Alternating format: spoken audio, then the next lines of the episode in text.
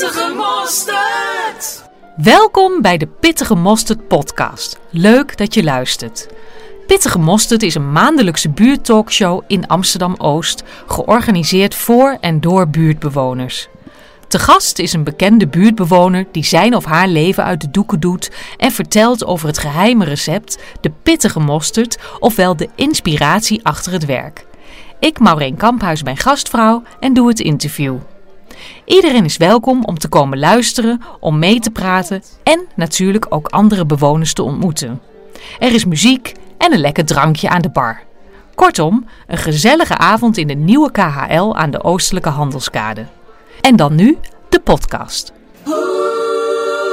Pittige mosterd. Hartelijk welkom iedereen. Heel eh, fijn dat jullie er allemaal zijn eh, vanavond bij Pittige Mosterd. Ehm, ja, we hebben een hele bijzondere gast vandaag. Ja, dat ben ik. Ja.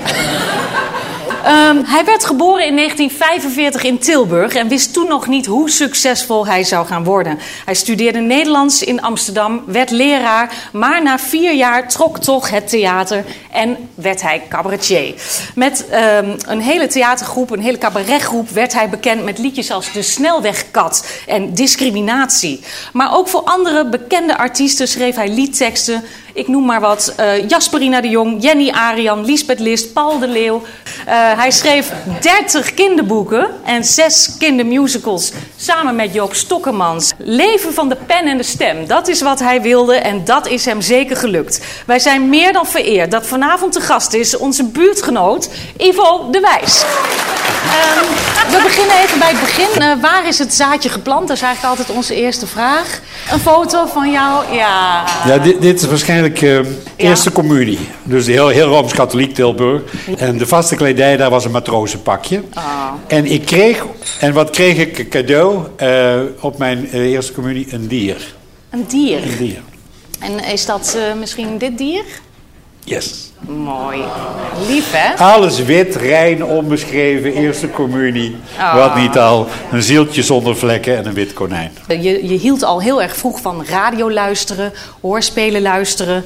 Ehm, ik begreep dat in jullie huis ook eh, cabaret werd eh, geluisterd. Ja. En als er verjaardagen waren, dan werd, werd iedereen met zijn rug tegen, tegen de muur gedouwd. En dan werd Toon Hermans gedraaid. En dan gingen ze met z'n allen luisteren en lachen. Oh, wat leuk. Ja, erg leuk.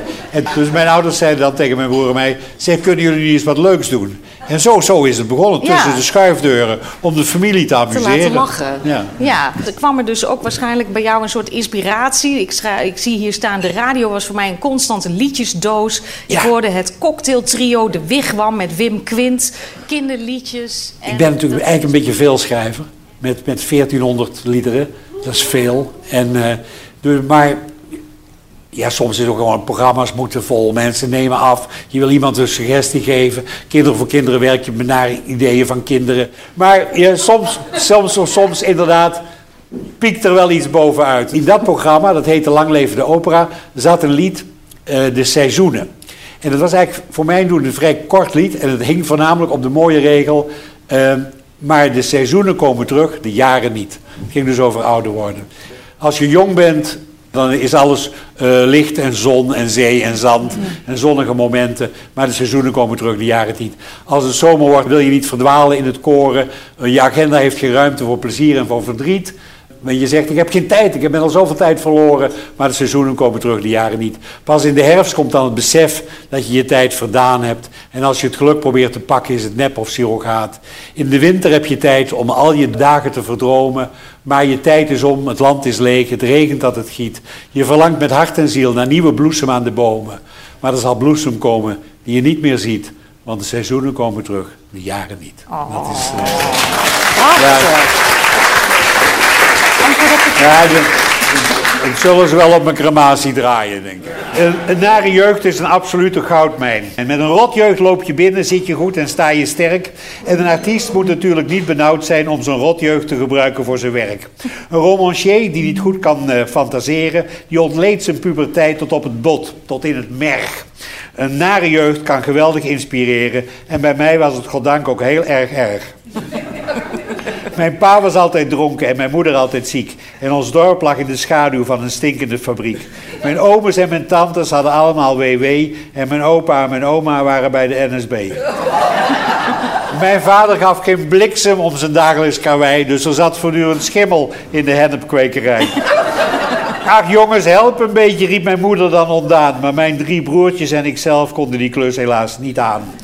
We leden kou en honger, er was helemaal geen geld, want mijn vader bracht de centen, nou, dat heb ik al verteld. We kregen minder eten dan de kippen in de ren. Enkel draadjesvlees en pens van slagerij J. van der Ven. Er was geen snipperliefde en de meesters van de school waren stuk voor stuk sadisten met een zweep en een pistool. Ik had min 6, min 7, dus ik zag niks op het bord. Dus net als mijn zeven broertjes kreeg ik steeds een slecht rapport. Maar bij elke serie klappen en bij elke portie straf dacht ik... later, later, later, schrijf ik alles van me af. Ik snakte naar verkering in mijn eeuwige verdriet... maar geen meisje wou me hebben en geen jongen ook al niet. Het dorp had wel een disco, maar daar konden wij niet heen. En net als mijn twaalf broertjes bleef ik helemaal alleen. We roken nogal typisch, want we gingen nooit in bad. Ik was zeker weggelopen als ik schoenen had gehad. Ik kon heel aardig zingen, maar ik mocht niet op het koor. Wel werd ik na de avondmis misbruikt door de pastoor. Niet enkel de pastoor hoor, want de koster wilde ook. En, en dan kreeg ik een sigaar terwijl ik helemaal niet rook. En dan de kapelaans, de dirigent, de organist en de doodgraver natuurlijk. Altijd bovenop een kist. En als ik weer huilend thuis kwam, sloeg mijn pa me in elkaar. En hij bulderde naar bed jij en kom op met die sigaar. Hij trapte me de trap op en ook doof van het rumoer lag ik met mijn twintig broertjes op de planken van de vloer. Maar als ik de slaap kon vatten, droomde ik tot s morgens vroeg. Later dacht ik, later, later, later heb ik stof genoeg.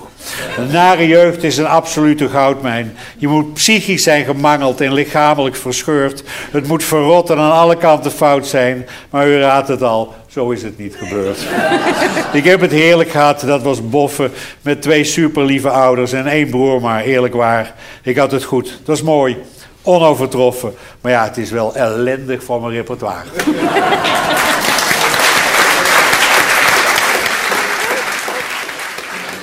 Nou, we hebben een uh, entertainer gehad op het podium. Uh, echt, uh, echt artiest. Ik heb me suf gelachen. spraakwaterval. Heel leuk om Ivo te horen praten over zijn leven. En ik heb me gewoon suf gelachen. Dit soort mensen zijn gewoon zo goud waard. Die hebben zo'n mooi, indrukwekkend leven achter de rug. Met zoveel levenservaring. Uh, ja, want ik ken hem eigenlijk alleen maar van naam. En ik heb hem natuurlijk eens op de televisie en zo gezien. Maar nee, ik heb hem heel wat bij. En zeker als buurtgenoot. Dus... Zoveel paraat, zoveel ja, uh, eigen werk paraat, maar ook werk van anderen heeft hij ook paraat, hè? Dr. Hans P. en ja, andere teksten, teksten. Ja, ja, En wat hij laat zien is gewoon uh, uh, wat, je, wat je taalplezier zou kunnen noemen. Hij straalt de vrolijkheid en de rijkdom van de taal uit. Je ziet hem ook glimlachen als hij schrijft, denk ik. glunderen. glunderen, ja. Denk je, het is een leuke vondst. Ivo, smaakt het bier? ja, heel goed. Ja, ben een typische bierdrinker. Ja. Geïntimideerd door de grote belangstelling? Ik vind het wel erg leuk. Ik kende de traditie niet van de pittige mosterd. Maar Maarten Eilander, die ik al wat langer ken, die heeft mij gevraagd of ik zin had om een keer op te draven. En ik had eerst nog wat ja, uh, bedenkingen, want ik ben ook al een keer bij het Shaffi-huis geweest. Ik ben een keer geweest naast Jakarta, daar zit zo'n soort koffietafel ook van bejaarden. Heb ik ook al eens wat verteld. Dus je moet oppassen dat je je niet te vaak laat afkluiven. Maar dit is, ik ben eigenlijk nog nooit geïnterviewd. Dus toen moest ik, moest, moest ik het verhaal zelf vertellen. En nu kom je door die vragen toch weer op andere paden en andere dingen. Maar Maureen, doet dat heel goed. Dus uh, dan kom je vanzelf van het een op het ander. Ja. Maureen. Hey Leon. Hey. hey joh. Even ademhalen. Dacht ik wel. Het was een enerverende avond. Ja, ik had me best wel goed voorbereid. En toch, als je hier zit en je praat gewoon uh, live met uh, Ivo, dan is Ivo gewoon super scherp, snedig. Echt een dijk, hè? Had geen zetjes nodig, geen reminders. nee, ik moest echt wel uh, uh, aan de bak. En ook dacht ik, uh, het is echt een bron van kennis en ervaring. Het voel je heel goed. Ik ken hem vooral van Vroege Vogels. Hè. Vaak bij hem in de uitzending geweest. Dus. Ik heb het 20 jaar gedaan. Dan moet ik wel zeggen, 20 jaar dat was leuk om te doen, want bij die geliefde radio het, is, het is een beetje eindig wat je daar kan doen. Het zoveelste gesprek over de dijkverzwaring, het zoveelste gesprek over uh, de achteruitgang van de Kuifleeuwerik. Op een gegeven moment weet je dat en dan, en dan uh, ja, dan moet iemand anders dat doen. Bij Vroege Vogels moesten ze eerst een uur bijnemen. Daarna werd de presentatie gehalveerd. Dus er zit nu één presentator die in zijn eentje drie uur moet volpraten. Dat is niet goed voor een programma. Dat is te lang en het is te, en te saai. Daar moet meer wegen komen. Maar daar is geen geld meer voor. Aan de andere kant ben ik nooit echt helemaal stil gaan liggen. Ik ben wel op een gegeven moment van de radio afgegaan. En op een gegeven moment komt je kop ook nauwelijks meer op televisie. Want zo'n oude Haagse, dat willen ze niet hebben. Je moet, zoals Paul eh, Leeuw zei, 19 jaar zijn en een paar vrolijke tieten hebben. Heb ik allebei niet. Maar ik ben wel altijd doorgegaan met schrijven en met optreden. Dat doe ik nog steeds. Dus, uh, dus dat blijft wel. Dus daar kunnen mensen je dan weer van kennen. En publiceren af en toe. Is podcast dan een, een, een verlossing? Ja, ik, ik zie de lol van de podcast nog niet helemaal. Want ik word elke maand voor een podcast geïnterviewd waarvoor ik later nooit meer iets hoor. Dus dat, de podcast Jules de Korte nooit meer wat van gehoord. De podcast uh, Joop Stokkemans nooit meer wat van gehoord. De podcast Light First, nou daar heb ik nog een bericht. Dit is nu de dertiende editie geloof ik hè? Ja, dit is de dertiende editie, seizoen 3. Um, ehm, het wordt eigenlijk steeds leuker, dus we gaan uh, gewoon door. Op naar de volgende gast, Lavinia Meijer, harpiste, 17 november. En uh, daar kijken we weer naar uit, een muzikale avond. Neemt ze de harp mee? Ze neemt niet de harp mee, maar wel hele mooie muziek. Onder andere van Philip Glass en zijzelf. Je luisterde naar de Pittige Mosterd podcast. Pittige Mosterd wordt georganiseerd door een team van meerdere mensen. Jan en Gerard Krabbe van de nieuwe KHL, Joyce Feijen, Maarten Eilander, Tamara Dekker, Mario van der Velde, Johan Bak en ik, Maureen Kamphuis. De podcast werd gemaakt door Leon Paquet. Wil je er ook een keer bij zijn? Meld je dan aan via info KHL.nl. Je kunt de agenda checken op de website voor de volgende editie. Betaal wat je wilt. We hopen je snel te ontmoeten.